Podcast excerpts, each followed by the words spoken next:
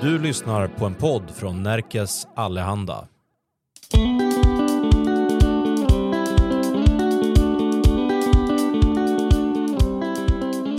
Hej och välkomna till Konditionsbloggen-podden. Veckans gäst har tagit EM-silver, fem student-VM-guld och fem SM-medaljer i orientering. Men Lilian Forsgren, den första frågan som du får, precis som alla andra i den här podden, är vad är det längsta du har sprungit? Eh, det längsta jag har sprungit är 57 kilometer. 57 kilometer. Och när inträffade det här?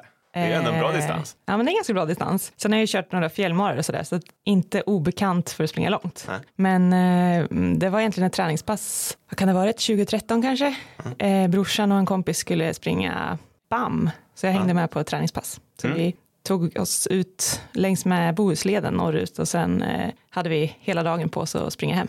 Men gud vad härligt det lät. Det lät som en träningspass i min smak. Ja, men väldigt trevligt. Mycket, ja. men man hade med sig något, alla hade med sig något gott i, i väskan liksom, som man eh, bjöd på under vägen och sådär. Så Ja. ja. väldigt trevligt. Och, och eh, lagom ansträngningsnivå. Ja, absolut. Vi sprang inte så fort, men, men eh, eh, vad ska man säga, längden och antal timmar i, i ändå löpandes tar ju ut sin rätt så småningom. Så, så på slutet var vi trötta. Ja, ja.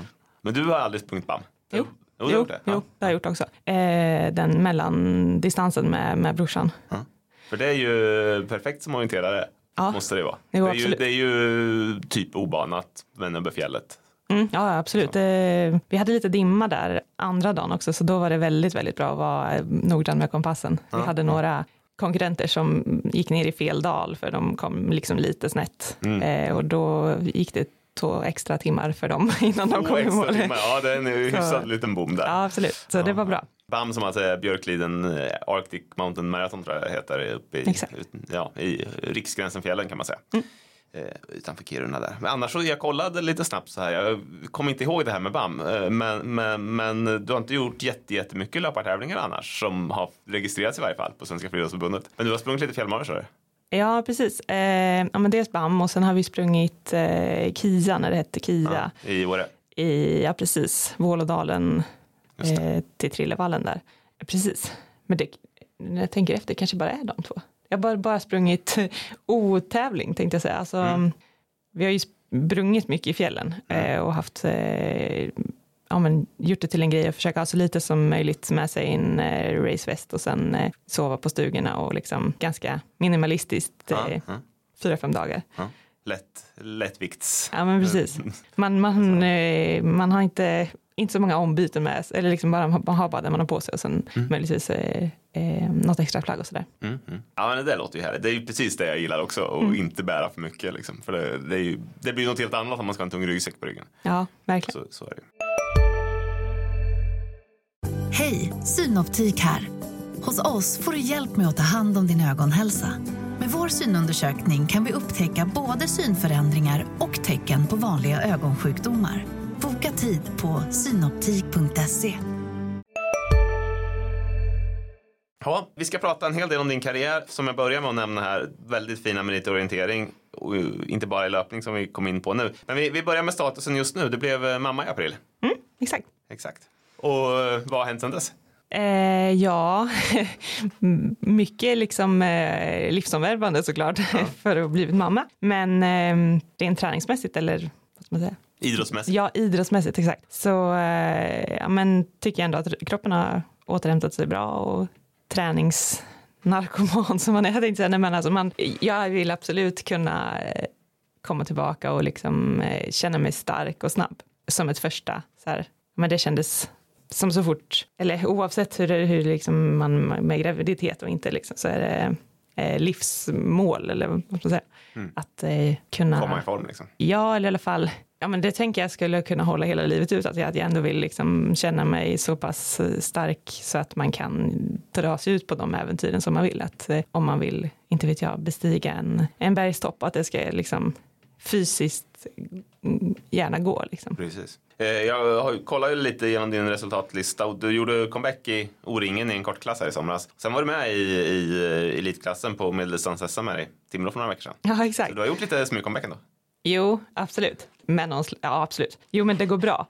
Jag började väl testa springa lite eh, ja, men strax efter midsommar. Så det var efter två månader efter hon föddes. Och eh, ja, men har varit ganska försiktig ändå skulle jag säga för att känna att allt känns bra. Så det är väl först nu de senaste veckorna som jag känt att ja, men nu eh, tänker jag ingenting på hur, hur liksom, kroppen känns utan bara kan njuta av och, och röra på mig. Mm. Eh, så då har jag väl börjat försöka öka mer och mer och, och få springa lite längre och, men ändå på någon slags rimlig nivå för på ett sätt så det är ingen skada man har varit med om men det är ändå på samma sätt man får prehabba innan och sen eh, inför för en förlossning tänker jag och sen eh, att det blir lite samma tänk man måste ju verkligen vara försiktig och lyssna på kroppen och öka gradvis. Exakt, exakt. Men du som, som har varit elitidrottare i många år, du, du har ju det tänket medbyggt tänker jag. Ja, absolut. Sen kan man ju, ja, det har jag ju, men sen är jag ju också eh, optimist och eh, ambitiös. Så det kan ju bli att eh, man springer för fort eller för långt Mm. direkt. Så um, därav har jag väl försökt nu gjort en, en plan för mig själv att jag får bara öka 10 procent i, i längd liksom i veckan för att Hålla det på en rimlig nivå. Skynda långsamt. Ja, Mm. precis. Har du, du var inne på det här att komma tillbaka och bli stark och så, men har du tankar på att komma tillbaka till elitnivå också eller har du lagt det bakom dig? På landslagsnivå tror jag inte. Me- Mest för att det inte s- liksom, jag tror inte att jag är beredd att lägga ner den tiden.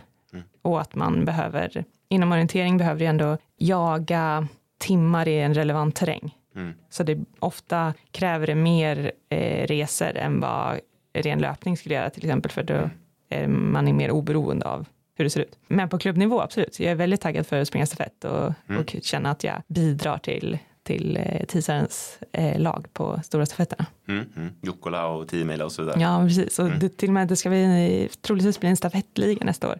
Just det, ja, det har jag Eh, läst om. Så Mm. det skulle vara superkul. Mm, mm. Och kanske någon tävling till och med här i länet va? Jag Ja, precis. Ja, i, i maj tror jag. Ja. Mm. Det blir ju häftigt. Man brukar prata om nya perspektiv som man får när man får barn. Har du, har du fått några sådana eller? Jo, det får man ju. Ganska många. Alltså, bara begreppet tid, vad gjorde man med den innan man fick barn? Men eh, nej, men det, det mesta tycker jag går ganska lätt och, och men med lite planering. Klart att det är mer omständigt med barn och sådär. Eh, Man får tänka till. Eh, men för, att få till liksom, träning och sådär så tycker jag ändå, ja men båda, både jag och, och min sambo vill ju träna så då mm. har vi vad man säga, planeringsmöten där man får liksom, okej men om du tränar på lunchen då, då tränar jag efter och Ja. ja, turas Ja. om vem som får vara med på tub- klubbträningen och sådär. Så. Det, exakt. det klassiska livspusslet Ja, exakt. som ska läggas. Det blir inte lika många träningar ihop kanske. Nej, verkligen. De blir ju mer sällsynta. Mm. Det här med, med omställningen till ett liv när man inte är elitidrottare, då, många, eh, om du nu inte ska bli det igen, många eh, har ju liksom lite problem med det, men du har ju hela tiden haft mycket vid sidan. Mm. Du, du har eh, doktorerat och, och, och, och eh, jobbat vid sidan av din elitsatsning. Tror du att det underlättar eller har, du, har det ändå varit tufft att veta att man inte är elitidrottare längre? Nej, det tror jag kommer, eller det har ju egentligen, jag var ju egentligen inte på landslagsnivå förra året heller. Nej. Fast hade kanske lite ambitioner, i alla fall ett tag in i säsongen, att det kändes som att Det jag inte fanns en visste. möjlighet att nå ett EM där på hösten. Ja, men precis. Men eh, nej, jag tror att det känns ganska avslappnat på ett sätt, för ändå går att ja, men ha kvar den här eh, nationella elitsatsningen, då, så att säga, eh, på klubbnivå. Och mycket av det som, alltså om jag skulle sluta vara med helt så blir det en helt annan sak, för då skulle man ju eh, fr- frånkopplas från hela det sociala umgänget också. Mm, mm. Men ja, sen är jag absolut helt säker på att sen när, när man står där på startlinjen så är det ju, spelar det ingen roll, då är man ju lika tävlingsinriktad eh, som om det skulle vara VM Sverige. Och det, är, det är ju speciellt med orientering som sport, men det är ju inte som att sluta i ett ishockeylag, utan orienterare är man ju på något sätt hela livet och på, man bara byter nivå. Ja, men precis. Och sen går det ju liksom, ja men som sagt att löplopp är ju lättare att träna inför för att man inte behöver jaga den här terrängskännedomen. Så det går ju att motivera sig och hitta nya utmaningar. Mm. Absolut. Mm. Ja, de tar ju aldrig slut. Och hur mycket är du ute i orienteringsskogen nu då när du gör dina träningar? Är, är det där du håller till eller är det mycket ren löpträning du, du sysselsätter med? Nej, men ganska mycket orientering. Jag tycker det har känts, eh, när jag började gå i skogen efter, ja men i, ja, också runt midsommar typ där, att eh, det blir en helhet på ett helt annat sätt än om jag bara barnvagnspromenerar liksom på asfalt. Eh, och gå fort i skog ger ju bålstyrka och, och mycket högre puls än om man skulle gå på, på asfalt. Så jag har faktiskt en, knappt ens sprungit Ja men säg att det är mm, ja, men 10-20 meter på asfalt. Resten har varit eh, grusväg eller stig och, och framförallt skog. Mm, mm. Och där jag sprang i början var ju bara skog, helst mosse. Mm. Lite snällt uppför liksom. Det är ju absolut mest Även om skonsamt. pulsen kommer upp så blir det ju väldigt mycket mer skonsamt för kroppen. liksom, Ja. i övrigt, ja. Du, jag nämnde ju att du har doktorerat och så vidare. Vi, vi får ta något ord om det med. För det är ju det är inte så många elitidrottare som doktorerar. Det är ju ändå häftigt. Det har handlat om inblandning av cellulosa i plaster. Exakt. Hur kom det sig att du hamnade där? Eh, egentligen bara tillfälligheter skulle jag säga. Och i, nu så här i efterhand så vart det ju superbra för alltså bättre miljö att samtidigt elitsatsa som man ändå jobbar, eller måste säga, det vet jag inte riktigt om, om jag skulle kunna komma på, utan det var ju verkligen eh, perfekt för mig med att jag kunde styra mina tider, det var inga problem att vara iväg för de flesta, ja, men man skriver mycket, man, man eh, gör mycket research i ja, vad andra har forskat kring. Och de liksom, vad ska man säga, det pappersarbetet kunde jag ju ta med mig vart som helst. Så det var ju perfekt för att kunna vara, ja, men jobba i stort sett heltid eller doktorera på heltid men ändå kunna lägga ner väldigt mycket mer timmar eh, på orienteringen än vad jag än vad jag kan, man skulle kunna gjort om man hade ett fast jobb där man var mer låst till en plats. Så. Mm. Du kunde styra både dina timmar när du skulle träna och platsen liksom. Ja. Var på läger någonstans. Ja. Nej, så eh, det var ju väldigt lyxigt, absolut. Det, jag njöt alla fem åren tänkte jag, nej det gjorde man ju också, inte för det var ju stressigt ibland men Och nej det är men ganska tungt ämne ändå liksom. Och ja absolut. inte... Nej, det är, men, men man nördar ju också ner i det. Liksom. Sen, sen eh, hittar man ju kollegor som jobbar med lite liknande och man har mycket samarbeten. Och, men det har passat mig, absolut. Det har det gjort. Mm. Så att jämförelsevis med att liksom ha jobb, skulle jag skaffat ett vanligt jobb eller om man ska säga direkt efter eh, examen eh, så tror jag att, att det hade varit tuffare. Liksom. Jobbar du med något liknande idag eller? Har, har du hamnat i den här genren? Eh, inte med cellulosa, men jag jobbar med ändå samma koncept att man har en, en grundkomponent, alltså plast eller i, just nu jobbar med silikon och sen att man lägger i eh, material som ska ändra egenskaperna. Som, Med plasten så la vi cellulosa för att den skulle bli starkare. Mm. Nu lägger vi eh, olika partiklar för att ändra egenskaperna hos eh, silikonet. Mm. Mm. Intressant. Och den viktiga frågan jag glömde ställa här. Va- Varför är det så många orienterare just som akademiker? Vad är hönan och ägget där? Är det, de, är det de smarta människorna som hamnar inom orienteringen för att det går bra där för att man måste läsa kartan också? Eller, eller är det tvärtom att orienterare söker sig till, till akademin på något sätt? Oj, lite både och skulle jag nog tro.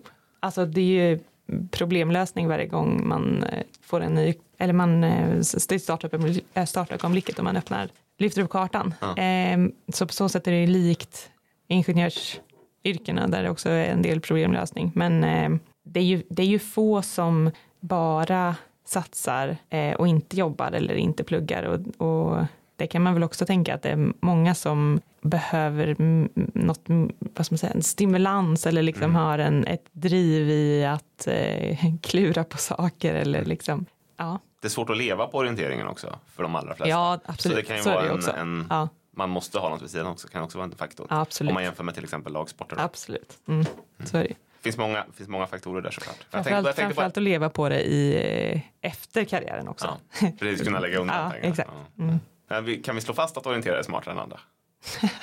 Nej, nej, det tror jag finns eh, en salig blandning i, i samhället. men eh, men ja, Vi får göra en, en undersökning där helt enkelt. ja.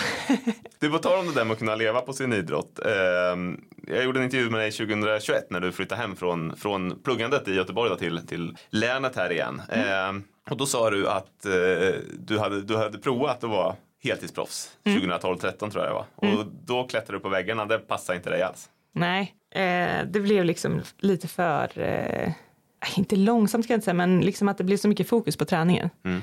Och det där tror jag man ska vara observant för, för att det blir så påtagligt om träningen inte gick som man tänkt då, eller liksom att man har inget annat på dagen att, att luta sig mot, eller man säger. Och sen är jag ganska, det här, jag gillar när det går fort och händer saker, liksom, och är inte så, tar gärna tag i saker och liksom, så att, liksom att sitta och hitta någon tv-spel eller något sånt fun funkar inte riktigt. Nej, nej. Det skulle vara i så fall, eh, ja men nu skulle jag nog klara det bättre för nu håller vi på att renovera en del hemma. Mm, och då ja, kan jag ju greja med det, men då är det Ja. liksom, det räknas inte riktigt som att inte göra någonting, skulle jag nog säga. Ja.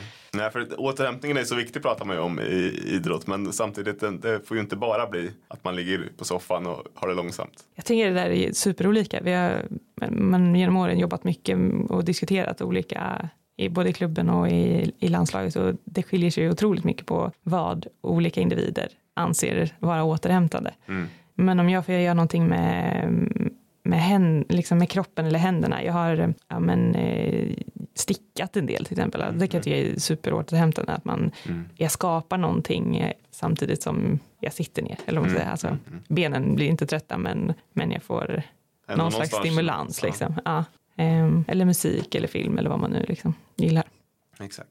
Någonting måste man sysselsätta huvudet med. Mm. Det där när du var, var heltidsproffs som jag sa, det var 2012-2013 och eh, det tar oss tillbaka till, till dina första år där. Du tog eh, JVM silver 2010 var det. Mm. Kom med i landslaget direkt året därpå som första års senior, Mm. 2011. Och 2012 så blev du eh, EM 12 i sprint på hemmaplan. Mm. Och tog guld på student-VM dessutom. Mm. Bra eh, start på karriären. Hur, hur stor talang var du? Om man ser tillbaka. Alltså egentligen inte så stor talang. Jag hade ju inte så stora framgångar fram tills jag var eh, 20. Nej, det var sista junioråret där det Ja, till. precis. Eh, inte på något sätt att jag var dålig, men eh, absolut inte den som kändes mest lovande. Eh, och ja, men jag minns eh, på gymnasiet så var väl jag, ja, vad ska man säga, ja, ofta prenumererar, prenumererar jag på platserna mellan 10 och 6. Mm. Eh, vilket var bra, men eh, och stabilt och jättetråkigt. För då liksom, man blev inte uttagen till någonting, man fick inga medaljer och man fick liksom inte. ehm, så, eh, och min styrka var absolut det tekniska. Mm. Så jag tänkte väl, och jag har egentligen aldrig haft sådana drömmar om att jag skulle bli bäst i världen, då när jag var ungdom eller, eller junior. Mm. Men på något sätt så såddes det ändå ett frö, ja men om sista junioråret, eller näst sista junioråret, innan jag flyttade till Göteborg. Mm. Att eh, steget till att bli senior sen kändes så himla stort. Så Mm. att eh, tanken var väl att jag liksom inte skulle förlåta mig själv om jag inte provade och verkligen gjorde allt för att kunna prestera någonting sista junioråret och sen visste jag inte riktigt om, ja, blir det ingenting då skiter jag liksom, då, då kanske det bara blir stafett, Mm. s- liksom hänga med klubbkompisarna och springa stafett under Exakt. seniortiden. Exakt. Ehm, Men det året kände du att där, där har du en chans att prestera så då är det lika bra att ta den. Ja, men lite så. Att det var, det var nu eller aldrig liksom. Mm. Ehm, och då var jag ju fascinerad så här i efterhand hur målmedveten jag var. För att jag hade ändå precis flyttat ner till Göteborg, eh, hela, ja men flyttat hemifrån och sen Mm. allt med plugget som var massor och ändå ska jag säga att jag gjorde det otroligt bra den, den vintern. Mm. Och men följde planerna jag la och liksom drog ut på de där extra passen helt ensam och, och sen var jag ju otro, otroligt stark på våren där Mm. sista junioråret och, och fick ju massa SM-guld och vann Swedish, ja det Silva Junior Cup hette det då. Mm. Och, Motsvarande ja. Swedish League eller? ja, precis. Så nej, det var coolt. Det var verkligen mitt eh, genombrott Mm. Verkligen, verkligen. Och det är inte så många som tar klivet direkt upp i seniorlandslaget heller. Nej, Det, det är Ja. tufft i orientering. Det är ju en väldig nivåskillnad ja. att bli senior. ja, och sen kan de ju ibland så ge dem chansen till någon Mm. och det tänker jag att de gjorde till mig eh, eh, för att jag var lite lovande just då. Men det är väldigt svårt att hålla i det så det är ju Mm. också fascinerande så här i efterhand att, att jag fortsätter utvecklingen. Mm. För du var bofast i landslaget sen ända fram till 2017 egentligen. Ja, Ihop på olika nivåer inom ja landslaget. precis. Ja. Så det är starkt. Ehm, Efter det där första, eller sista junioråret då, eh, fortsatte bara utvecklingen sen eller? För i och med att du kom med i landslaget och sen fick du springa EM andra året och så vidare. Och så vidare. Ja, men lite så ändå. Men som, som oftast när man går från junior till senior så får man ju, man får ju ha lite tålamod. Mm. Det blir ju väldigt stor skillnad i vilka man tävlar mot Mm. och framförallt hur långa banorna är. Så Men det var ändå vill- en rak utveckling liksom. Det var inga stora skador eller bakslag eller sådär. Utan du, du tog dina utvecklingssteg. ja, 11-12 absolut. Och sen tror jag var lite mer knackigt eh, 13-14. Eh, någon hälsena här som gör ont. Och, men överlag har jag haft väldigt få skador. Det ska Mm. jag absolut säga. Eh, men eh, snarare att liksom formkurvan kanske har varierat på grund av andra orsaker tänkte jag säga, men mer oförklarligt att jag, liksom har Mm. Inte prickat än allt. Nej. Mm. Hej, Ulf Kristersson här. På många sätt är det en mörk tid vi lever i. Men nu tar vi ett stort steg för att göra Sverige till en tryggare och säkrare plats. Sverige är nu medlem i Nato. En för alla, alla för en. Har du också valt att bli egen? Då är det viktigt att skaffa en bra företagsförsäkring. Hos oss är alla småföretag stora och inga frågor för små. Swedeas företagsförsäkring är anpassad för mindre företag och täcker även sånt som din hemförsäkring inte täcker. Gå in på swedea.se företag och jämför själv. 2014 då gjorde du de eh, två prestationer som jag rankar som dina bästa. Då blev du trea i en långdistans i världscupen bakom Tove Alexandersson och eh, Lena Eliasson. Och så tog du EM-silver i stafett med, med Caroline Olsson och Alva Olsson. Mm. Eh, håller du med om att det, det är det bästa du har gjort? Nu ser tillbaka på det. Jo, egentligen så skulle jag säga det. Men eh, sen rankar jag faktiskt student-VM-gulden ganska högt för eh, Då har du ju fem stycken. Men Ja. de, de, jag tycker de är svårare att värdera utifrån hur bra jag Ja. är motståndet. Liksom. Ja. Men prestationerna har nog varit eh, bättre på ett sätt för att jag hade press. På nå- ah, för där har, vad ska man säga, motståndet är lite lättare. Mm. Fast det är inte nödvändigtvis jättemycket lättare, men lite absolut. Och, men att det då bidrar till att det blir större press. Mm. Eh, för då, då var man en av dem. Du ska... eh, Ja, sätta dig exakt. Och sen framför allt när man ska försvara. Mm. Så är jag väldigt nöjd över de prestationerna. Att, att jag fick till det när det gäller som mest. Liksom. Mm. Just student-VM, det, är ju, det finns ju inom en del andra sporter också, men det är ju lite större orientering kan man säga. Där är det ju Mm. verkligen ett riktigt mästerskap och det är många, många bra. Just för att det är så många orienterare också som är, är inom, inom eh, universiteten, högskolorna som vi var inne på förut, så, så är det många som sluter upp där. Så det, det är bra mästerskap. Mm, absolut. Mm. Ja. Eh, men sen de två prestationerna du nämner är ju absolut de som är eh, häftigast.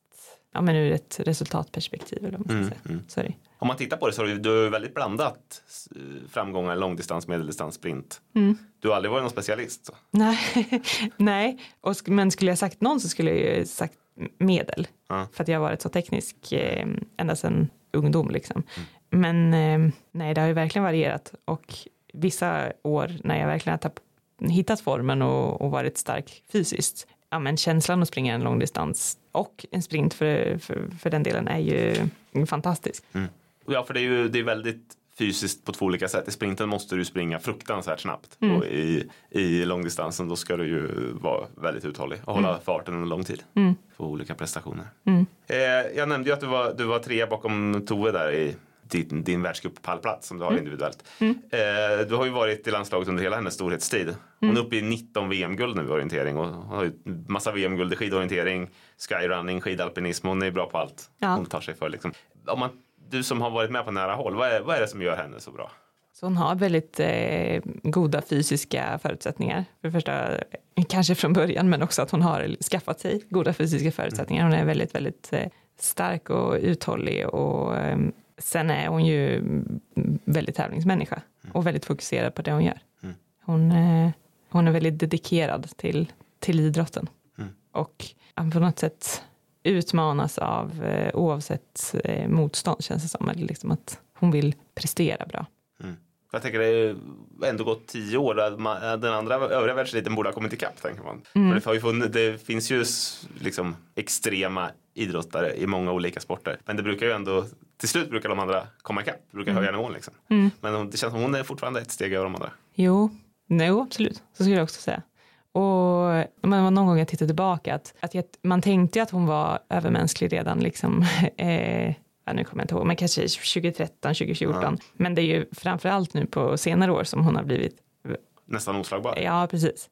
Så på något sätt, jo, ingen har kommit ikapp henne, men det känns också som att hon har utvecklat vidare liksom. Så att, eh, ja, får se när det händer. Mm, verkligen. Du har ju sprungit tävlat tillsammans med Simone Nigli också där. Tyvärr så överlappar ju inte riktigt Simone och uh, Toes internationella karriär varandra. Men, men vem skulle du säga är den bästa orienteraren genom alla tider? För jag antar att det står mellan de två. Ja. Jag kan inte hela historien ska jag säga om, om Simone för jag var inte så insatt eh, på 00-talet. Men Hon har ju eh, fler VM-medaljer fortfarande tror jag. Ja. Men Toe är väl på väg ikapp. ja, jämnt skägg skulle jag säga. Men det är klart att, att de är ju extrema idrottare båda två. som ändå inspirerar sin, sin omgivning båda två på kanske på lite olika sätt med i och med att Tove har varit breddat sig så mycket och mm. kört andra grejer och så. Nej, jag vet faktiskt inte. Vi får säga Tove kanske kommer nå dit. Ja, så absolut. Hon så har några år, några år kvar. Exakt. Ja. Du som har sprungit mot, mot båda då. Du sa ju förut att när du var junior så hade du aldrig riktigt den här tanken på att du skulle bli bäst i världen. När du har sprungit mot de här, har du blivit triggad liksom? Har det eh, gjort att du har velat satsa hårdare? När du har sett att så här bra kan man bli liksom? Är det så det funkar? Eh, lite både och såklart. Men jag, har, jag som person har nog inte varit så mm, vad ska man säga, påverkad av hur andra, eller så svårt för mig att jämföra på det sättet mm. tycker jag. För vi har olika styrkor och jag kan liksom bara försöka optimera min egen prestation. Mm. Eh, men sen såklart kan man ju bli lite, snarare tvärtom, att man kan bli lite eh, modstulen att liksom, okej, okay, vi är så här, jag är så här långt efter. Mm. Liksom, när jag går bra. Är det ens någon idé att, att försöka? Men, eh, men det tycker jag ändå att, ja, men som för mig då, att drivkraften har varit att försöka prestera så bra som möjligt och liksom utvecklas som idrottare oavsett vem man möter. Så, så har jag ändå, eh, har, brukar jag, inte jag tänka så. Nej. Orienteringen är ju en så komplex idrott så man är ju aldrig chanslös på det sättet. Nej, precis. Det hade ju varit, då är jag mer fascinerad över när man ställer upp i ja, men, banlöpning till exempel och, och, och, man vet ju egentligen redan på pappret innan ja. om det är så, så stora skillnader som, som det ändå kan vara i orientering. Så mm. nej, nu har man ju egentligen alla möjligheter när man står på startlinjen. Exakt. Och du har ju fått springa med båda också i stafetter och så vidare. Mm, Tove i landslaget och eh, Simone i tisaren. Så du har haft den fördelen också att eh, det, det har ju hjälpt dina resultat ja, där kan man ju säga. Ja, haft, den, precis, haft dem på sin sida. Så, ja. Exakt, då är, det, då är det bra. Ja. Du, vi kom till 2014 i kronologin här. 2015, då var du 12 sekunder från medalj i ditt enda VM i eh, mixstafett mm. i Skottland var det va? Inverness? Mm. Ja. Mm. Grämer det någonting att det inte blev en medalj där eller? Nej, det är inget jag går och funderar på så. Men det är klart att på pappret innan mm. eh, så skulle det ju varit en, en medalj. Mm. Inte ett guld tror jag inte, för eh, jag tror danskarna var, om jag inte minns fel med Maja Alm där, så var det ja, på pappret innan liksom, mm. eh, så skulle de vinna. Men eh, jo, det var, ett, det var ett starkt lag. Och, men jag, nej, jag grämer mig inte. Eh, kanske främst för att jag tyckte att det var jag själv som kanske inte riktigt eh, levererade på på den nivån som det skulle vara på pappret. Så. Men jag kollade tillbaks igår, det var, du var ändå med i, det var ju en, en, en nation som var loss där och sen var ni ju en klunga bakom. Så det, det var ju inte så att du, nej, nej, du precis. lämnade något stora avstånd. Nej, Nej, det var, jag tror att det var Danmark som drog iväg. Om det var Klingenberg som sprang första. Det stämmer nog. Absolut, vi var i den klungan. Men eh, jag gräm inte, det ska jag inte säga. Det var kul att springa VM i varje fall. Ja, absolut. Det, det var jätteroligt. Speciellt. Jag var ju med som reserv 2012. Eh, mm, just det, på hemmaplan eh, var det då, eller? Eh, nej, det var EM på hemmaplan. Det var EM på ja. 2012 var i Schweiz. Just det, just det. Var jag med som reserv. Eh, så jag hade ändå sett, ja men varit där och sett och lärt liksom, eller vad man säger. Så mm. det var roligt att få, få göra start. Mm. Och då sprang du både mixed eh, stafetten och eh, sprinten i VM? Individuella sprinten? Så tänker jag, nej, medel sprang jag väl. Okay. Jag fick hoppa in som reserv. Nu har jag läst på dåligt här. Men så, så, så var det. Ja, ja. distansen sprang det. Ja. Men på EM mm. på hemmaplan samma år så sprang jag sprinten. Just det. Ja. Det är det där att du kan springa allt. Ja, exakt. På, ja. exakt. Ja, eh, 2016 då tog du återigen då guld på student-VM och sprang EM i Tjeckien. Men efter 2017 som vi var inne på, då, då åkte du ur landslaget. Vad, vad berodde det på? Eh, Eh, bra fråga. Jag var ju med som reserv på VM då också 2017. Men eh, eh, framförallt hösten vill jag minnas var inte så bra resultatmässigt. Och eh, alltså på många sätt tycker jag det är ganska rimligt. Beroende på vad man tycker att det betyder att vara med i landslaget. Liksom. Men Eh, oftast i orienteringen så är det ju en, en trupp som är uttagen som landslag över vintern och då åker man på några läger och sen när det väl kommer till kritan och det ska tas ut lag för eh, världscup eller VM och så, där, så, så spelar det inte någon roll om man har varit på, i landslaget under vintern eller inte. Som räknas. Ja, exakt. Så att eh, det är ju mer en fråga om att man får åka på några extra läger på vintern Eh, Stöttning från Ja, precis. Mm. Och beroende på vad, hur, vilken, hur bra man är har det betytt om man har fått eh, mer eller mindre ekonomisk stöttning. Mm. Jag får nu sitta A-landslaget, B-landslaget. Ja, precis. Så på, på, så sätt tycker jag det var rimligt.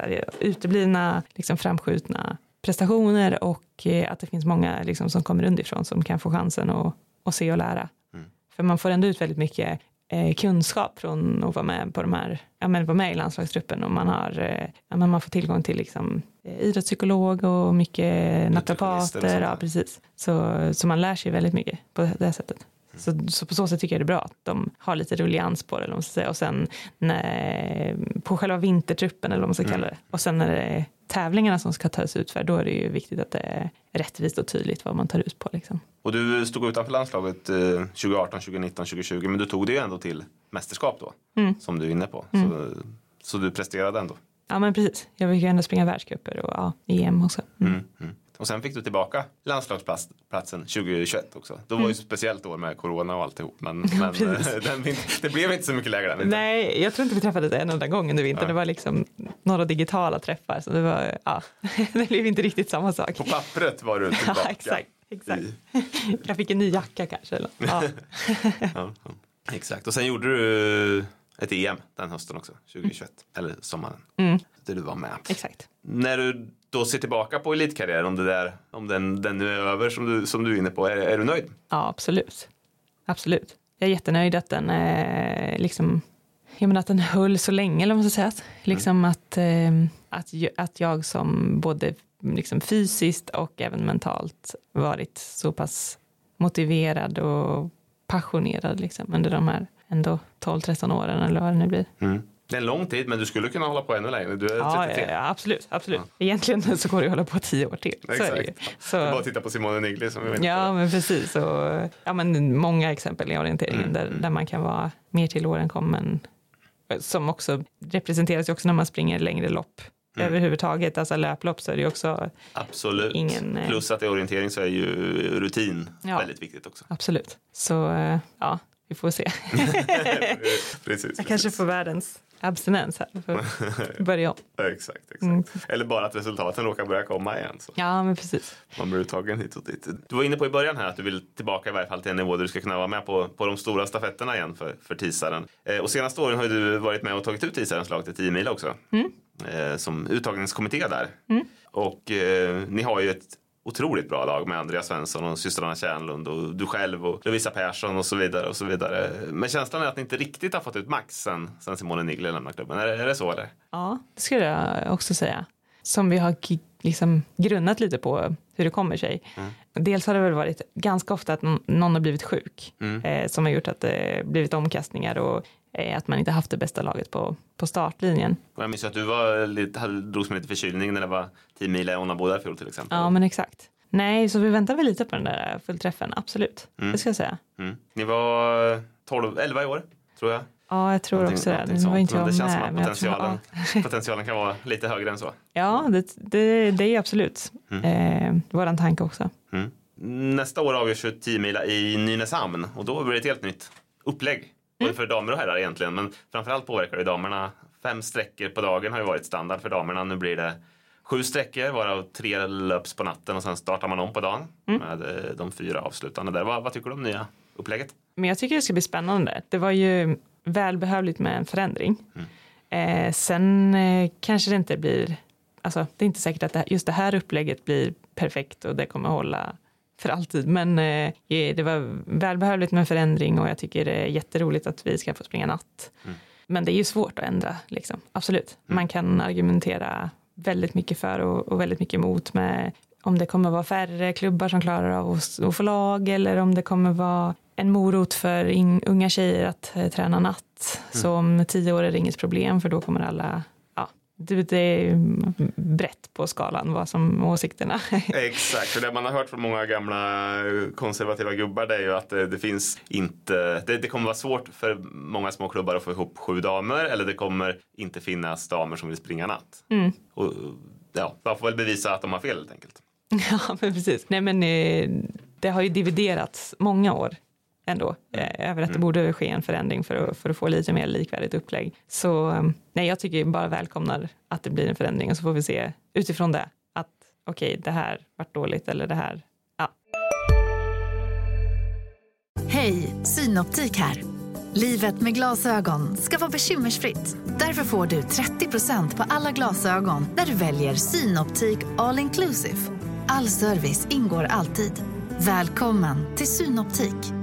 Hej, Susanne Axel här. När du gör som jag och listar dig på en av Krys vårdcentraler får du en fast läkarkontakt som kan din sjukdomshistoria. Du får träffa erfarna specialister, tillgång till lättakuten och så kan du chatta med vårdpersonalen. Så gör ditt viktigaste val idag, lista dig hos Kry. Jag minns att det var samma diskussioner, kan det vara typ 2016, 2015 något som vi ändrade segrartiden för damerna på långdistans. Just det, så det skulle bli likvärdiga tider. Ja, precis, att det skulle vara 90 minuter för oss också. Mm. Och det var ju högljudda protester. Mm. In, in, ja, lite från damerna, men eh, fascinerande nog väldigt mycket protester från andra. Ja. Eh, så, men det, det diskuterar man ju ingenting nu, det, är ju, det, det ifrågasätts inte alls. Nej. Så, Och eh, om man tittar på friidrotten, löpningen till exempel, där, där har det ju alltid varit samma. Eller inte alltid, det ska vi inte säga, för det, var, det är inte så många, himla många år sedan som damerna inte fick springa längre än 800 meter. Men, men eh, de sista 40 åren i varje fall så har det ju varit samma distanser. ja, precis, och det blir ju extremt åt andra hållet, för då blir det ju, eller det, samma distans är ju ännu tuffare än att ha samma segrartid. Liksom. Precis, det blir längre tävlingstid för damerna alltid då. Så är det ju. Eh, hur funkar det för er som klubb då? Min känsla är ju att sju löpare eh, i laget är ganska optimalt för Tisalen som, som er laguppställning ser ut just nu. Ja, det tror jag också. Så det är ju bra. Och eh, vi välkomnar ju liksom som klubb natt, absolut. Mm. Vi är många som, som tycker det är roligt. Vi testade ju lite med, under pandemiåret så körde man ju en sån elitstafett Mm. som var ett, någon slags substitut för att ingen annan tävling eh, anordnades, eller Mm. inte 10 mil anordnades. Eh, och då var det ju natt. Mm. Och det, var, det gick ju väldigt bra. Mm. Då vann- vi ju med en kvart kanske. Mm. så nu har, har ni så, något att leva upp till här? Ja, men exakt. Exakt. Ja. all press på oss. Nej, men eh, jag tror att det passar. Absolut. Mm. Andreas Svensson tog ju alldeles nyss här sitt tredje SM-guld i nattorientering och du själv har ju ett par natt-SM-medaljer också. Mm. Ehm, blir det svårt att ta ut vilka tre som ska få springa eller? Du är spekulant på en natt, Ja, absolut. nattsträcka. Det skulle vara superkul. Det hade, jag älskar ju också första sträckor. Ja. Så första sträcka nattorientering, det hade ju varit det, det, det är önske, önskedrömmen att jag ska vara i tillräckligt bra form för att ta ut mig själv på den sträckan till våren. Men, eh, nej, men en natt hade jag jättegärna tagit. Mm. Och så får Andrea då ta den längsta nattsträckan kanske om, det, om hon är fysiskt bäst slag som hon har varit i år. Ja, ja, det är alltid det där om man, om man ska, vad ska man säga, vaska Andrea så tidigt eller om hon Mm. är i, eller oavsett vilken löpare det är, men om man ska eh, spara den till slutet eller om, eller om man ska ta den på en av de längsta. Precis, precis. Det är ju samma sak i herrstafetten egentligen. Ja. Men man skapar långa natten och vem man ska ha kvar till de två sista Mm. sträckorna på dagen när det brukar avgöras. Ja, men precis. Mm, mm. Nu har vi inte snackat så mycket träning här idag utan mest se tillbaka på din karriär. Men jag brukar alltid be mina poddgäster att ta med sitt favoritträningspass. Så det har jag gjort även till dig. Mm. Eh, vad har det varit för något? Jo, men eh, som lite knyter ihop säcken med det vi pratade i början, så att springa riktigt eh, lugnt och långt, eh, liksom upplevelselöpning, helst på fjäll. Mm, mm, Eh, det är absolut favoriten. mm. Har du kommit iväg något i fjället? O-ringen var ju i och för sig i Åre då. Så. Mm, ja men precis. Eh, jo, vi har varit uppe eh, Idre och Sälen också. Och Mm. Då var jag i och för sig inte så löpbar, men eh, vi har ja, men ändå kunnat gå orientering och eh, körde lite mountainbike och så här, som också är fantastiskt härligt att bara få komma ut och kanske inte så långt än då, då. men eh, ja. Du kommer tillbaka dit. Mm. Du, jag var i Tänndalen för några veckor sedan och tog deras naturpasset för att testa. Alltså, det är ju fasta kontroller som sitter ute hela året. Och jag hade aldrig gjort fjällorientering förut. Jag tänkte att eh, det är väl ganska lätt när kontrollerna sitter uppe på Ja. kalfjället. Liksom. Men jag har nog aldrig varit med om någon så svår orientering. Mm. Otroligt lurigt att hitta ner i rätt sänka och så vidare. Mm. Det är en utmaning. Mm. Det, det är min absolut favorit. Ja. Felorientering. Så Ja. Helst så där, eh, där skog övergår till eh, kalfjäll så har man ju Mm. eh, ofta en, ett parti där det är lite tätare, kanske någon, lite kryp, fjällbjörk och Mm. ja men ja, det, är det, det är det bästa. Man ser inte kontrollen om man Nej, inte står vid den. exakt. Det, är, det är din tekniska sida Ja. som gör det tycker jag är måste. Ja. otroligt roligt. Jag förstår. Mm. Nej, men det är härligt att få, få snacka lite. Jag brukar avsluta den här podden med att fråga vad ska du träna idag? Ska du träna idag? Eh, Nej, jag vilodag idag faktiskt. Vilodag Ja, eh, men eh, önskemålet och ambitionen är att ändå få träna sex dagar i veckan. Mm. Så det, det blir alla andra dagar den här veckan. då. Vad ska Alla du träna andra. imorgon frågar jag istället. Ja, men imorgon blir det löpning igen. Jag sprang igår och så, så blir det löpning imorgon och sen är det stafett-DM Mm. på söndag. Så All det är right. de tre löppassen jag får göra den här veckan. Tar du plats i första laget? Nej. Nej. Andra laget? Ja. Ja, ja. Är det du som har tagit ut där också? Ja, exakt. Nej, nej, jag tar inte plats i första laget. Nej. Eh, men, eh, nej, men det ska bli jätteroligt. Mm. Verkligen. Tufft i Kilsbergen, så det blir bra. Härligt, härligt. Då önskar vi lycka till där Lilian Forsgren och tackar så jättemycket för att du kom och gästade Konditionsbloggen podden. Mm, tack så mycket. Och vi är tillbaka nästa vecka.